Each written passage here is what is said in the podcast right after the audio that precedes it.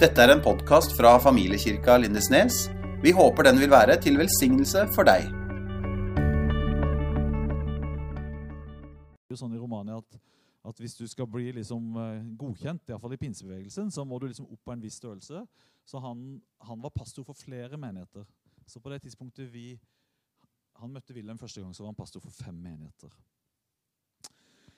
Etter hvert så ble dette for stort for Wilhelm. Han var pensjonist når han begynte å reise. Er ikke det fint? Det er aldri for seint å reise ut i misjon. Han reiste altså til Romania første gang når han ble pensjonist. Og så ble han der i 15 år. Så han eh, spurte noen av misjonskirkene i Kristiansand kan dere tenke dere å være med og reise. Så vi var noen som reiste dit i 2013, bl.a. meg fra Vågsbygd. Og vi ble så begeistra for det vi så. Vi ble så tatt av menneskenes nød, eh, av de åpne hjertene for Jesus, at vi hadde lyst til å engasjere oss. Så Fra 2013 til 2019 så skjedde det masse fint der nede i dette området. Eh, vi hadde masse team nedover. og det som er litt, litt rart at På det tidspunktet kjente jo ikke jeg til noen fra Spangereid eller fra Sønnevik eller Geir og Elin Myhra. eller noen ting. Men jeg har en hendelse i minne, det var det at vi skulle eh, på flyet. Den ene turen, Jeg kan ikke huske om dette var 2014 eller 2015. Men plutselig så var det himla mange som snakka norsk der. Og jeg overhørte at noen var fra Spangereid. Så antagelig så har vi vært på samme fly med noen av dere uten å vite at vi egentlig hadde misjon i samme område. Og det er jo ganske interessant. Eh, masse fint skjedde der. Jeg har ikke tid til å gå inn på det, men jeg fikk blant annet ha nederst til høyre der, har, eh, til venstre så har du min nærmeste familie. Min far lengst ytterst med den rutete skjorta der. Søstera mi, min mor og min datter som nå er 21, Rebekka, står på sida med der. Tidligere generalsekretær i Misjonskirken, Øyvind Haraldseid, er med å ha barnevelsignelse der. Vi var med på menighetsplantninger. Det var masse, masse fint som skjedde i dette området. Så fikk det en litt brå slutt. Jeg skal ikke bruke noe mye tid på det, men vi opplevde plutselig at han Daniel som eh, vi hadde stolt 100% på, han hadde levd et dobbeltliv, iallfall et år, eh, når vi kom til rett etter korona hadde brutt ut i 20, våren 2020. Eh, et utenomekteskapelig forhold og en del ting knytta til det. Som gjorde at tilliten til han selvfølgelig raste. Og vi ble nødt til å sette en fot i bakken. Og i det påfølgende året med korona så skulle man liksom prøve å finne en vei i dette her med å sitte på skjerm. Det var veldig krevende. Um, men vi kom oss gjennom den perioden, og vi lurte litt på kan Misjonskirka fortsette sitt arbeid i Romania. Og så i Romania sør. Rett, et, rett før det egentlig så hadde jeg truffet Geir første gang, i 2019. Ja, jeg kan bare si kort, Vi fikk god hjelp av en pastor i den perioden som det var som mørkest der, som heter Florin Janovic, som har en kirke i Bucuresti sentrum som heter Renovatio, en pinsekirke. Eh, men jeg traff Geir la på høsten i 2019 første gang. Og vi skjønte jo at oi, vi har arbeid i samme område. Dette var før dette skjedde med Daniel. Så vi hadde allerede hatt noen treff, vi hadde hatt noen prater. Vi skjønte at vi var jo egentlig i samme område. Og så skjønte jeg på Geir at det hadde vært noen ting der òg som var litt krevende. med med litt samarbeid eh, osv. Og, og vi fant på en måte tonen og begynte å, å tenke på kan dette bli noe framover. Så i mars 2021 hadde vi vårt første offisielle treff. Da var Christian og Geir på et, eh, et ledermøte vi hadde i Arendal misjonskirke, og presenterte arbeidet til Make a Change, til Terence og Nelia, til Reinhardt og Darcy. Og vi fikk på en måte for første gang i Misjonskirka kommet helt innafor og sett hva, hva er dette for noe. Og vi ble eh, veldig begeistra og glad for å se at det var andre i det samme området som kanskje vi kunne stå sammen med. Fordi den som hadde vært vår hovedkontakt, kunne vi ikke lenger samarbeide med på samme måten. Så da ble det en ny tid der. Og, eh, og eh, vi fikk reise ned og treffe. Der ser dere Terence og Nelia på en kafé i Kalarashi der, og Reinhardt og Darcy. Første gang på høsten i 2021. Jeg fikk se det flotte senteret i Rasa. Og siden så har vi da bygd på denne kontakten, og vi ender opp på Ansgarskolen da i mars i år. Og Misjonskirka Norge har etter en evalueringsrunde på det som vi har vært igjennom, bestemt oss for at vi har lyst til å fortsette i Romania sør. Men vi kommer ikke lenger til å ha hovedsetet vårt der i Spantov som vi hadde før. Vi kommer til å flytte det til Kalarashi og utvikle et samarbeid sammen med Kalrashi United. Og det er vi spent på hvordan det kommer til å se ut. Og dette var på en måte første starten. Så på det bildet der så ser dere noen dere kjenner, og de dere ikke kjenner, det er da noen av våre eh, relasjoner som vi har fra den ti åra før det. Som ikke vi har tenkt å bryte, og det er veldig mye fint som skjer i disse menighetene fortsatt. Vi kommer til å ha mye kontakt med de, men vi kommer til å jobbe eh, ut ifra Kalarashi. Så det var litt om vår historie der. Før Geir skal tale Nei, før Geir, ja. Før Jon Arne skal tale, så hadde jeg bare lyst til å dele et ord med dere. Fordi Hvorfor holder vi på? Hvorfor, hvorfor driver vi og reiser til Romania og andre steder? Det er jo fordi at Jesus har grepet oss. Og det han har gjort for oss, det er altfor stort til at vi kan holde det for oss sjøl. Um, når, når, dette traff Paulus, så jo, snudde det opp, opp ned på livet hans.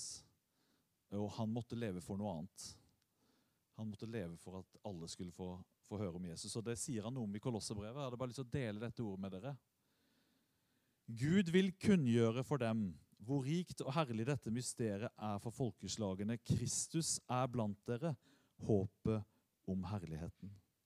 Det er ham vi forkynner, og vi rettleder og underviser alle mennesker i den fulle visdom for å føre hvert menneske fram til modenhet i Kristus. For å nå dette målet arbeider og kjemper jeg i Hans kraft, den som virker i meg med styrke. Det å få se på nært hold at mennesker tar imot Jesus, det å se på nært hold at familier blir forandra pga. Jesus, det å se at du kan være lut fattig, men likevel veldig, veldig rik når du oppdager hva Jesus har gjort for deg. Det unner jeg alle å leve tett på. Eh, nå er det noe av det som skjer i, rett i nabobygda her, i Vigeland og andre steder. Jeg fikk lov å være på The Send i Kristiansand eh, her for to helger siden. Og Da forteller leder av Ungdom i oppdrag Andreas Nordli at han har aldri i sine 30 år i tjeneste opplevd å snakke med så mange mennesker fra hele Norge som leder unge mennesker til Jesus. Og Han har vært misjonær i Romania og sett masse komme til tro der.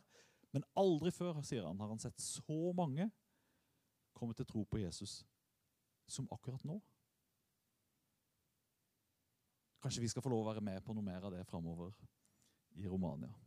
Dette er hva Wilhelm brant for. Dette er det som jeg kjenner igjen i våre medarbeidere som vi har jobba sammen med i ti år i Romania. Det ser jeg i Kristian. Jeg ser det i Geir og Elin. Jeg ser det i Terence og Nelia, Reinhardt og Darcy.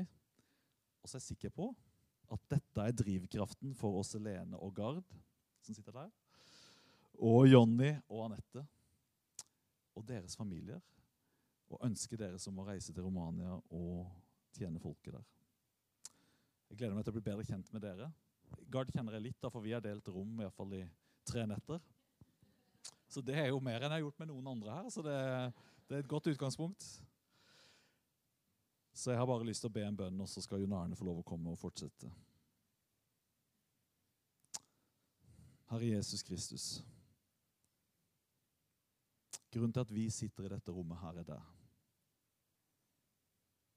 Og grunnen til at vi reiser til Romania, det er det. Og vi bare ber at du må fortsette å møte mange mennesker gjennom våre liv har jeg lyst til å særlig velsigne denne menigheten i denne bygda, både på Svennevik og Spangereid, til å nå mange mennesker for deg, Herre. Og så har jeg lyst til å særlig velsigne også Lene og Gard og Jonny og Anette og deres familier og reisen de har foran seg. Amen.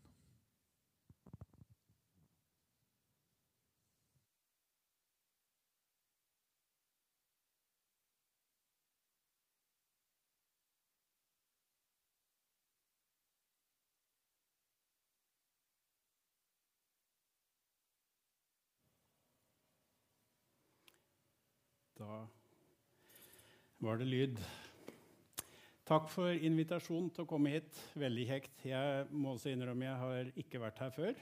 Men eh, etter et par års bekjentskaper med Christian og Geir, så har vi jo hørt en del da, etter hvert. Så veldig, veldig kjekt å være her første gang. Og så kommer vi kjørende, og så ser jeg Betel på, eh, på veggen. Jeg vokste opp i Betel misjonskirke i Gjerpen. Og I min ungdomstid så hadde vi felles ungdomskor med Betania misjonskirke i Skien. Så det var min ungdomstid mellom Betel og Betania. Så da hadde vi en, en liten link på det. Eh, jeg heter Jon Arne. Eh, da skjønte dere jeg kommer fra Gjerpen. Det ligger, eh, det ligger litt nord for Skien. Eh, vokste opp i Misjonskirken der. Vært med i, i, menigheten i alle ulike barne- og ungdomsaktiviteter. Fra søndagsskole oppover. Og hadde min første offisielle oppgave som sånn klistremerkepåsetter i, i søndagsskolen. Det var enten var det stjerner, eller så var det epler, eller så var det fisk i garnet for de der som, eh, som har søndagsskoleutdanningen i orden. Eh, jeg er 52 år gammel og eh, leder misjonsarbeidet i Misjonskirken Norge. Det har jeg gjort i snart syv år. Og noe av bakgrunnen for at jeg gjør det, det har med at jeg har vært Eh, bodd i Colombia i en tiårsperiode eh, og jobba som misjonær. Eh, tjent der. Alltid litt sånn usikker. Skal vi si at vi jobba som misjonær, eller var misjonær? Men eh, når vi, når vi, tjener Jesus, så, så, tjener vi jo Jesus først og fremst som de menneskene vi er født og eh, kalt til å være. Og så eh, er det andre litt sånn mer spesifisering av ulike oppgaver. Der var jeg bl.a. sammen med Magni Valen, eller Åsebø, da, som hun het før. Så det skulle også være litt kjent her. Eh, Tore Bjørg, kjekt å se dere. Tore Tellefsen var pastor i Larvik misjonskirke, og det var den siste misjonskirken jeg jobba i før jeg reiste ut i misjonstjeneste. Så, og så har jeg fått lov til å jobbe sammen med nevøen hans eh, sentralt seinere. Så Kirke-Norge er stort, og samtidig så er det veldig nært. Så, så kjekt å være her. Vi skal eh, dele noen ord ifra Johannes. Der står det ifra vers 34 i kapittel 4. Men Jesus sa til dem, 'Min mat er å gjøre det Han vil, Han som har sendt meg, og fullføre Hans verk.' Dere sier, Ennå er det fire måneder til innhøstingen. Men jeg sier, løft blikket og se på markene. De står alt hvite mot høst. Den som høster, får sin lønn og samler inn grøde for det evige liv, slik at den som sår, og den som høster, kan glede seg sammen. Skal vi be. Herre Jesus, takk for eh, ditt ord. Og takk for anledningen vi har til å komme sammen i ditt hus, prise deg, men, ta, men også å utsette livet våre for din berøring. Ber om at du skal tale til oss i dag. Ber om at ditt ord skal slå rot i våre hjerter. I Jesu navn. Amen.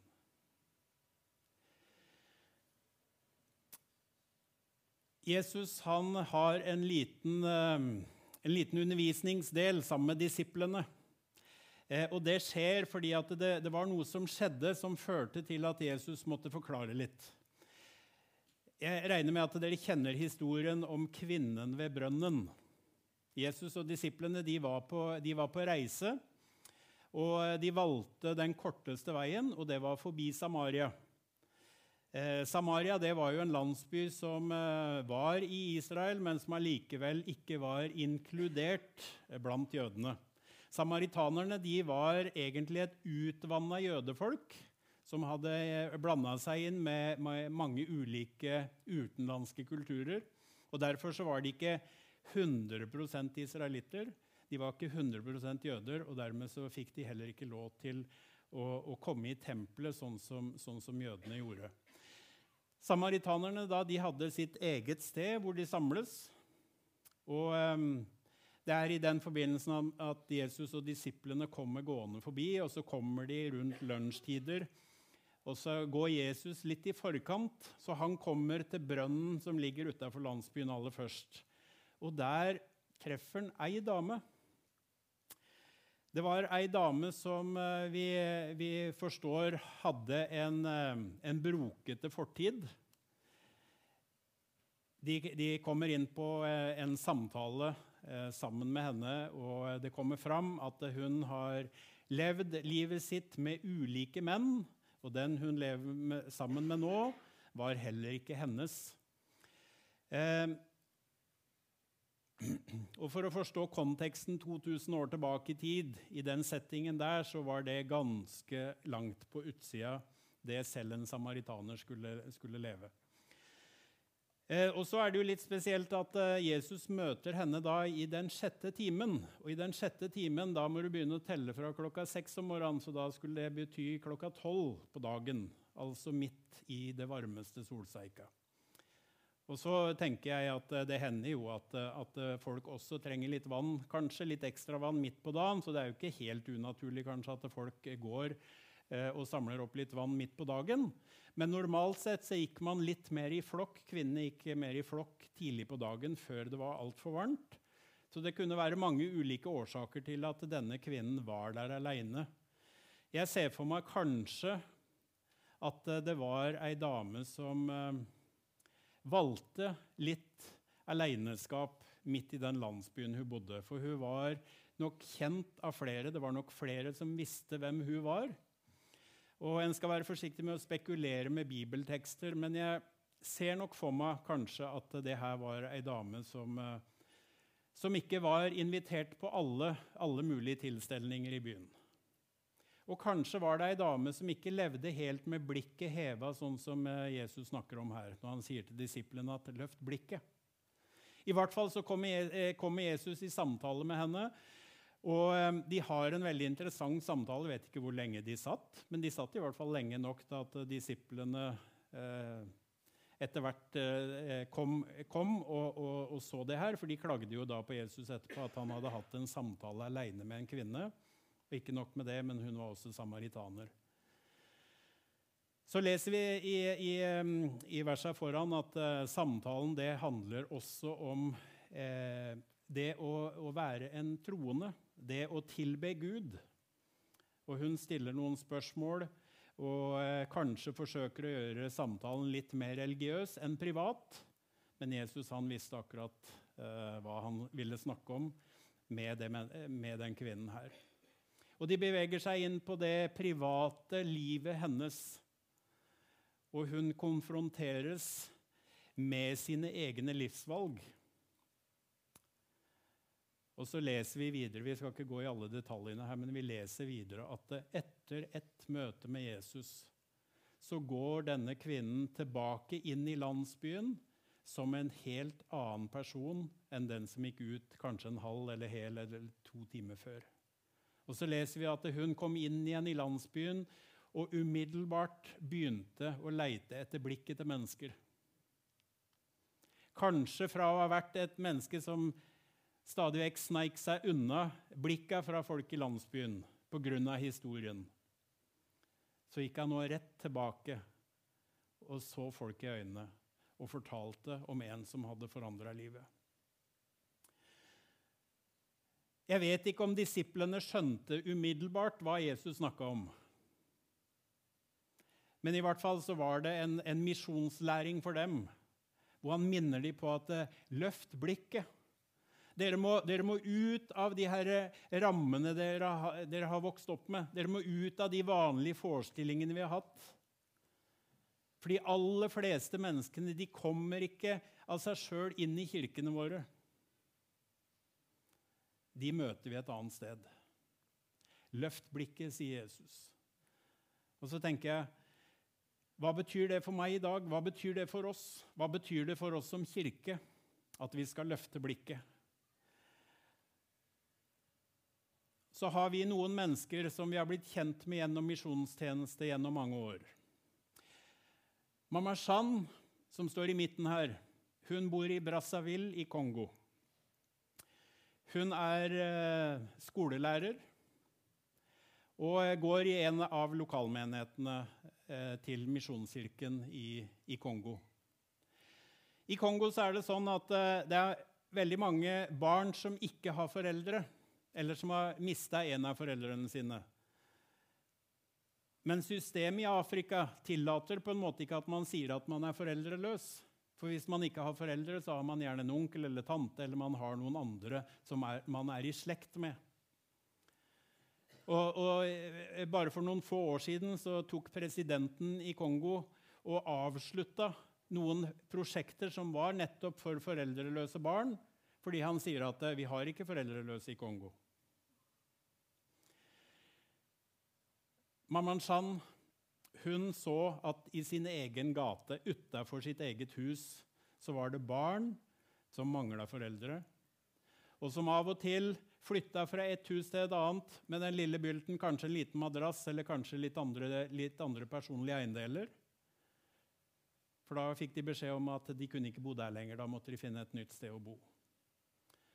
Og så begynner hun da Hadde ikke noe veldig stor lederstilling, men hun tenkte at ok, hva kan jeg gjøre da? I mitt liv. Hvordan kan jeg bidra til at eh, livet kan bli litt bedre for andre, og at jeg kan få lov til å vitne om Jesus? Og så begynner hun sakte, men sikkert å be én og én eller to og to av de barna her lage litt mat til de en gang imellom. Og så utvikler det seg etter hvert til et prosjekt som, som, vi har fått lov til å være med og støtte i noen år nå. Og så er ikke det det eneste prosjektet, men det er flere prosjekt innenfor Kirken som tar seg av Eh, barn. Og ikke nødvendigvis at det er, det er bygd opp store institusjoner hvor de, hvor de, sover, men kanskje det er møtepunkter, faste samlinger. I prosjektet her så kommer de sammen hver eneste lørdag og får en svær middag. De får et gudsord. Gjennom året får de hjelp til skolepenger, til, til klær. Det er mennesker som bryr seg, og det er ikke nødvendigvis noe som koster masse, masse penger, fordi det er lokale mennesker som har våget å løfte blikket litt i sitt liv. Josep Nasidio Dere ser litt her da, men Han uh, møtte jeg første gang. Da satt han i hovedstyret i Misjonskirken i, uh, i, Kongo. Men han var av den typen som uh, satt helt stille i styremøtet og sa ingenting. jeg lurte litt på hvem, hvem, er, hvem er han? Og så, og så, Den ene dagen så hadde vi, hadde vi, middag, og så satte vi oss ned. Og så spurte jeg en av, en av tolkene kan ikke, kan ikke vi sette oss bort til han her litt. Så hilser jeg på han, og så spør jeg litt hvem, hvem er du Og så var han er veldig beskjeden og kikka litt mer i bordplata enn en opp. Men så stilte jeg det her viktige spørsmålet som ofte kan endre ansiktsuttrykka våre. Så, så sier jeg, kan ikke du fortelle om åssen du blei kjent med Jesus? Ja. Og Da løfta han opp, og så kom det smilet her fram. Og Så forteller han om en barndom hvor eh, mor hadde tatt med han og, og, broren i kjerka, mens de hadde en pappa som ikke ville i kjerka. Så hadde han eh, vært, vært, i kjerka i, i barndommen, men eh, etter hvert på ungdomsskolen så med, med, kommunistiske ideer i undervisningen så fikk han ikke helt Jesus til å stemme etter hvert. Så han valgte å gå fra Jesus og var vekk i noen år helt fram til han begynte på høyere studier og skulle bli agronom. Så det sitter nå over biologi, biologiboka. Altså, Han var ikke på noen vekkelsesmøter, han var ikke på noen etablerte gudshus. Men han satt hjemme og studerte biologi, og så kjenner han at det, det kallet som Jesus antageligvis hadde gitt ham da han var liten gutt Så ser han det at alt det jeg leser her nå, det er jo ikke tilfeldigheter. Og så var det for han en vei tilbake til Gud. Og så spør jeg, Hva gjør du nå, da? Nå, nå vet jeg jo allerede at du sitter i, i, i, hovedstyret, men hva mer gjør du? Nei, Han bodde en par timer utenfor hovedstaden og var med i en lokalmenighet der. og Der var han med og sang i et kor. da. Ja, Gjør du noen andre ting? Ja, jeg spiller gitar i det andre koret. Det er veldig ofte at de har flere kor i hver eneste menighet. Eh, og så, ja, ut, Utover det, da, sier jeg, hva, du, hva liker du å gjøre? Nei, det jeg elsker mest, sier han det er Jeg er agronom og jobber for myndighetene. Og så Her er det jo tusenvis av naboer som har en liten hage bak huset. En liten eiendom hvor de, hvor de dyrker ting. Og så tenker jeg at jeg er jo utdanna til det her. Så la meg gå og banke på døra hos noen naboer og tilby dem noe gratis råd for hvordan de kan eh, jobbe bedre med jorda, hvordan de kan få litt bedre avlinger. Og så sier han det er jo ingen som takker nei til gratis råd. og så får jeg dele, og så spør jo alle sammen. Du skal ikke ha penger, hvorfor, hvorfor gjør du det her? Og da kan jeg fortelle om Jesus, sier han. En beskjeden kar. Jeg tror han, han ville ikke takka ja en gang til å komme opp og holde en andakt på, på en gudstjeneste. Men jeg tror at han er en av de viktigste evangelistene vi har. Og kanskje også i Kirken må vi, må vi revurdere vår oppfatning av hvem er evangelisten. Eller hvem er vi som står på talerstolen? Gud bruker oss på ulike måter. I Afghanistan har vi jobba siden 1997. Og der får vi ikke lov til å drive menigheter. Der får vi ikke lov til å forkynne. Men vi jobber med en stor internasjonal eh, misjonsorganisasjon og vi har hatt eh, Digni og Norad-støtte eh, til landet i mange år. Og akkurat nå, har, de siste åra har vi jobbet med mental helse. I mange år så holdt vi også på å være med å produsere rullestoler, krykker, proteser for krigsinvalide. Men de siste åra har vi vært eh, konsentrert oss om mental helse. Øyelegen her hun får stå som representant for, for alle misjonærer som har reist til Afghanistan vel vitende om at de kan ikke reise dit for å forkynne sånn som vi gjør i kirka. Men de har tenkt at jeg kan ta med min profesjon, og så kan jeg reise inn til et land hvor det er umulig å forkynne. Og så kan jeg tjene. Og så kan jeg forkynne evangeliet uten å bruke ord. Og så får de lov, da, hvis de blir spurt. Og det gjør de jo som utenlandsk personell. Hvorfor kommer dere til Afghanistan? Og så kan man én til én ha samtaler. Vi starta Mental Helse-prosjektet basert på bl.a. historier om kvinner som var så fortvila over krigens brutalitet og over mennesker de hadde mista, at de protesterte gjennom å sette fyr på seg selv. desperasjon. Og så har vi gjennom flere år fått lov til å tjene på den måten. Og for noen år siden, før Taliban overtok, så sa afghanske myndigheter at uh, dette prosjektet det er så bra at når dere nå er ferdig med prosjektperioden, da vil vi drive det videre her i landsbyen. Og så har vi sett hvordan Kirken også i, i sånne situasjoner kan være med og vise vei. Og jeg tenker, Hvis ingen viser de guttene her, eller de barna her, hvem er Jesus, hvor vil de være hen om 10-15 år? Hva slags ideologi vil være bærende for dem? Juan han kjører buss i Colombia. Han bor i en by som heter Barranquilla, som er nord i, i Colombia. Det var den første byen jeg bodde i. Eh, det er ca. 40 varmegrader på dagtid. Og vi hoppa på buss. Vi hadde noen elever fra Ansgar bibelskole med. Og så hoppa vi inn på bussen, og så hørte jeg, hørte jeg med en gang at uh, på radioen på den, uh, på den, bussen, som de fleste andre latinske radiohøyttalere, Eh, radio, så var den sprengt for lenge siden, men det var likevel full guff. Så hørte jeg det var lovsang. Og så så jeg det var ledig ved siden av bussjåføren, og så spurte jeg unnskyld, kan jeg, er ledig her, så jeg kan jeg få lov til å sitte her. Ja, vær så god, sier han. Og så sier jeg «Eh, du, jeg må spørre, den musikken vi hører, er det, er det radioen, sier jeg, eller er det din musikk? Det er veldig deilig med, med Latin-Amerika. Du liksom. Du trenger, ikke du trenger ikke bli kjent og ha reist på ferie sammen eller vært på ulike ting, men du kan bare spørre med en gang. Og så sier han nei, det er min musikk, sier han. Ja, da må du fortelle, sier jeg. Vi hadde ikke så veldig lang uh, tur før vi liksom skulle av. Nei, Så forteller han at eh, nei, for, uh, for ca. ti år siden så, um, så um, gikk samboeren min hun ble med på et, uh, på et møte i en kjerke. sa han. Og hun kom hjem, og hun var så glad da hun kom hjem. Og så eh, prøvde hun å få med meg. Men jeg var ikke interessert. Sånn. Jeg var ikke interessert. Og hun masa og masa. Hun gikk, begynte å gå på møte hver eneste uke. Og jeg, jeg, hadde ikke tid. Og jeg sa det at jeg har ikke tid, for jeg jobber så mye. Og jeg jobba mye, men det var ikke bestandig jeg jobba heller. når jeg sa jeg jobba. For jeg hadde også en annen kjæreste et annet sted. Og sånn holdt, holdt jeg på i flere år. Og hun ga ikke opp. Masa og masa. Plutselig en søndag han så hadde jeg plutselig sagt ja uten at jeg egentlig hadde fått med meg at uh, hun hadde spurt. Og så tenkte jeg at ja, greit, jeg får bli med, da. Så går jeg inn for første gang i mitt liv inn på en, en gudstjeneste.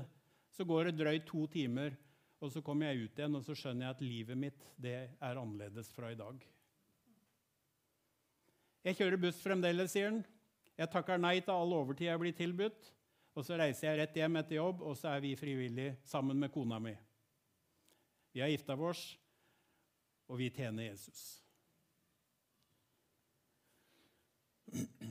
Omar Bedoya han bor i byen Medellin i Colombia, var rusmisbruker før. I dag har han fylt 30 år som pastor. Det var en tidligere rusmisbruker som kom og evangeliserte for gamle venner. Og så tok han imot Jesus. Og så sier han, 'Så fort jeg får anledning, så reiser jeg ut i gata.' Det er ikke så mange av mine eldste venner som lever enda. Men jeg har relasjoner inn i miljøene, og de kjenner meg, og de tar meg imot.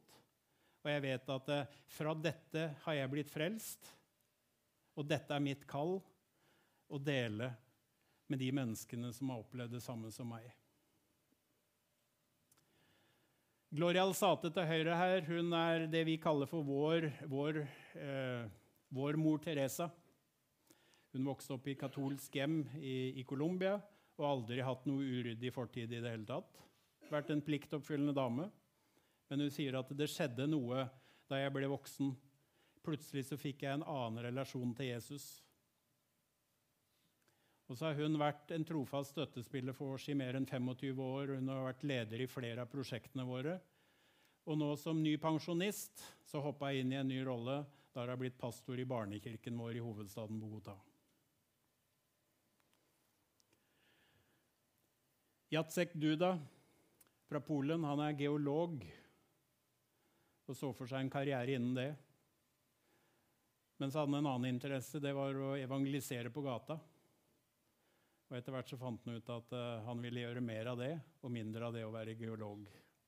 Så har han i over 20 år vært pastor i en uh, liten uh, menighet i Østpolen. Og i den, i den, menigheten i Østpolen så ble han kjent for noen år siden med en eldre kar som huska tilbake krigen, og hvordan store deler av Polen etter krigen forsvant over til Russland og andre naboland. Og så forteller han den gangen at det var mennesker fra Lublin som, som hjalp oss. Så Jacek han, eh, har reist de siste ti åra tre-fire turer til Ukraina i året for å besøke fattige områder. Han fyller alltid bilen med klær og, og, mat og medisiner, og så tar han alltid med seg én eller to til fra lokalmenigheten, og så reiser de på, reiser de på misjonstur. Så skjønner dere hvor jeg vil hen i forhold til krigen i Ukraina. Plutselig, når det skjer, så har vi masse kontakter via, via søsterkirken vår i landet. En av lederne våre i Kina Vi er i Kina en gang i året. og Da besøker vi de byene der vi i sin tid hadde misjonærer. Når vi er inne i landet, så får vi aldri reist alene, for vi har alltid myndighetspersoner med oss og de skal selvfølgelig passe på at alt går etter planen. Det betyr også at vi må være litt nøye med hva, hva vi sier, og hvilke typer samtaler vi har. Og så har vi bedt om noen ganger, kjære Jesus, kan du ikke gi oss en liten mulighet da, til å Og plutselig så dukker det opp en kveld vi, er, vi skal ut og spise middag.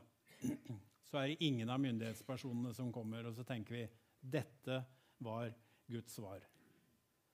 Og så får de ulike lederne deler litt av vitnesbyrdet sitt. Og så forteller jeg kan ikke du, kan ikke du begynne, sier jeg. Ja, Så forteller hun at hun ble kjent med Jesus gjennom dødsfallet til sin svigermor. Hun sier det at vi skulle rydde, på, rydde ut av sykehusrommet etter at svigermor døde. Og så viser det seg at der så finner vi en liten bibel som en sykepleier har sniket inn på rommet hennes. Vi vet ikke om hun noen gang rakk å lese i den bibelen. Men i hvert fall så sier mannen min til meg at kan ikke du ta og kikke litt i den boka de har gitt til mamma? Og han sa boka, for han visste ikke helt hva Bibelen var. Og så sier hun da at vi tok den med hjem. Jeg hadde jo ikke lest Bibelen før, så jeg visste jo ikke hvor jeg burde begynne. så jeg begynte jo fra start. Og så leser jeg noen få vers, og så roper jeg til mannen min du må komme og se her. Det er en bok her som forteller om en som har skapt hele himmelen og jorden. Og Så fortsetter han å lese, og så sier han at jeg kom langt ut i Nytestamentet før jeg traff en, en annen kristen. Men mannen min, som, som, som, jobber i politiet og som har ansvar for fangene i fengselet, de åra som har gått nå, han har vært med å døpe mange fanger i fengsel. Og på den jobben jeg har nå, sier hun, så er over ti av mine, mine kollegaer de er døpt. De har tatt imot Jesus. De var ikke på noen gudstjenester. De var ikke på noen kristne leirer. Men det var noen som torde å sette seg litt utafor komfortsona. Vi kjenner ikke historien til den sykepleieren, eller kanskje det var en annen. Men noen var i hvert fall inne på det rommet og la fra seg en bibel, og så blei det en historie. Det er noe av tradisjonen vi står i. Jeg skal ta med den siste her. Joraima var advokat i Venezuela, bodde godt, hadde god lønn, men lengta etter noe mer i livet og sa det, 'Kjære Jesus, kan du ikke gi meg en utfordring?' Og så sier jeg i dag, over 20 år etterpå, at eh, hadde jeg visst at han ville ha meg inn i Amazonas, så er det ikke sikkert jeg hadde bedt like frimodig. Men det var dit jeg endte, og det er der hjertet mitt ligger. Og jeg har fått lov til å være tjener for, for urfolket i Amazonas. Og Samtidig så får jeg lov til å bruke profesjonen min og være advokat også for dem i landtvister og, og, andre ting som opp, øh, om oppstår. Sitter jeg der sammen med dattera si, så lever de og har en glød for urfolket. Og så har vi også gjennom, gjennom øh, søsterkirken vår i Venezuela fått lov til å være med og, og støtte til bibelundervisning, oversettelse av bibelhistorie til urfolk. Jeg var I påska nå så var jeg med på 70-årsfeiring for eh, selvstendiggjøringen av kirken i Venezuela. Og Generalforsamlingen reiste seg og klappa for at jeg hadde brukt 44, 44 timer fra Gjerpen og til, eh, til leirstedet deres inne i Venezuela. Jeg hadde jo hatt en, til og med en overnatting på et hotell midt i, midt i reiseveien. Og så kommer det syv, syv indianere fram på scenen sammen med meg, og de har gått i 21 dager for å komme dit. Fantastisk. Mennesker som tør å løfte blikket. Hva kan vi gjøre? Hva kaller Gud oss til? Noen blir kalt til Latin-Amerika, andre blir kalt til Afrika, noen blir kalt til Romania. Men det er mennesker her rundt kjerkeveggene også som, som trenger at noen kan presentere Jesus for dem. Enten fra en talerstol eller fra noe rent praktisk i dagliglivet. Skal vi be. Kjære Herre Jesus, takker deg for ditt ord. Takker deg, Herre, for um, denne utrolige historien som uh, kanskje på mange måter endra byen hvor denne kvinnen kom fra. Så takker jeg deg, Herre Jesus, for alle de som i disse 2000 årene etterpå har valgt å løfte blikket og valgt å satse på deg. Og valgt å tro på ditt ord, at når vi er trofaste og når vi forkynner ditt ord, så kan det skje store ting. Og Herre Jesus, vi forstår ikke hva vår innsats kan bety for andre. Men vi kan høre om andre som på utrolig vis har blitt kjent med deg.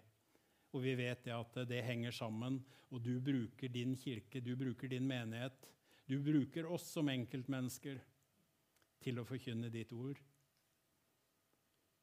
Til din herlighet og til menneskers frelse. Takk, Jesus, for at du utfordrer oss. Og vi er her, og vi ønsker å være mennesker som løfter blikket mot deg og mot våre medmennesker. I Jesu navn. Amen.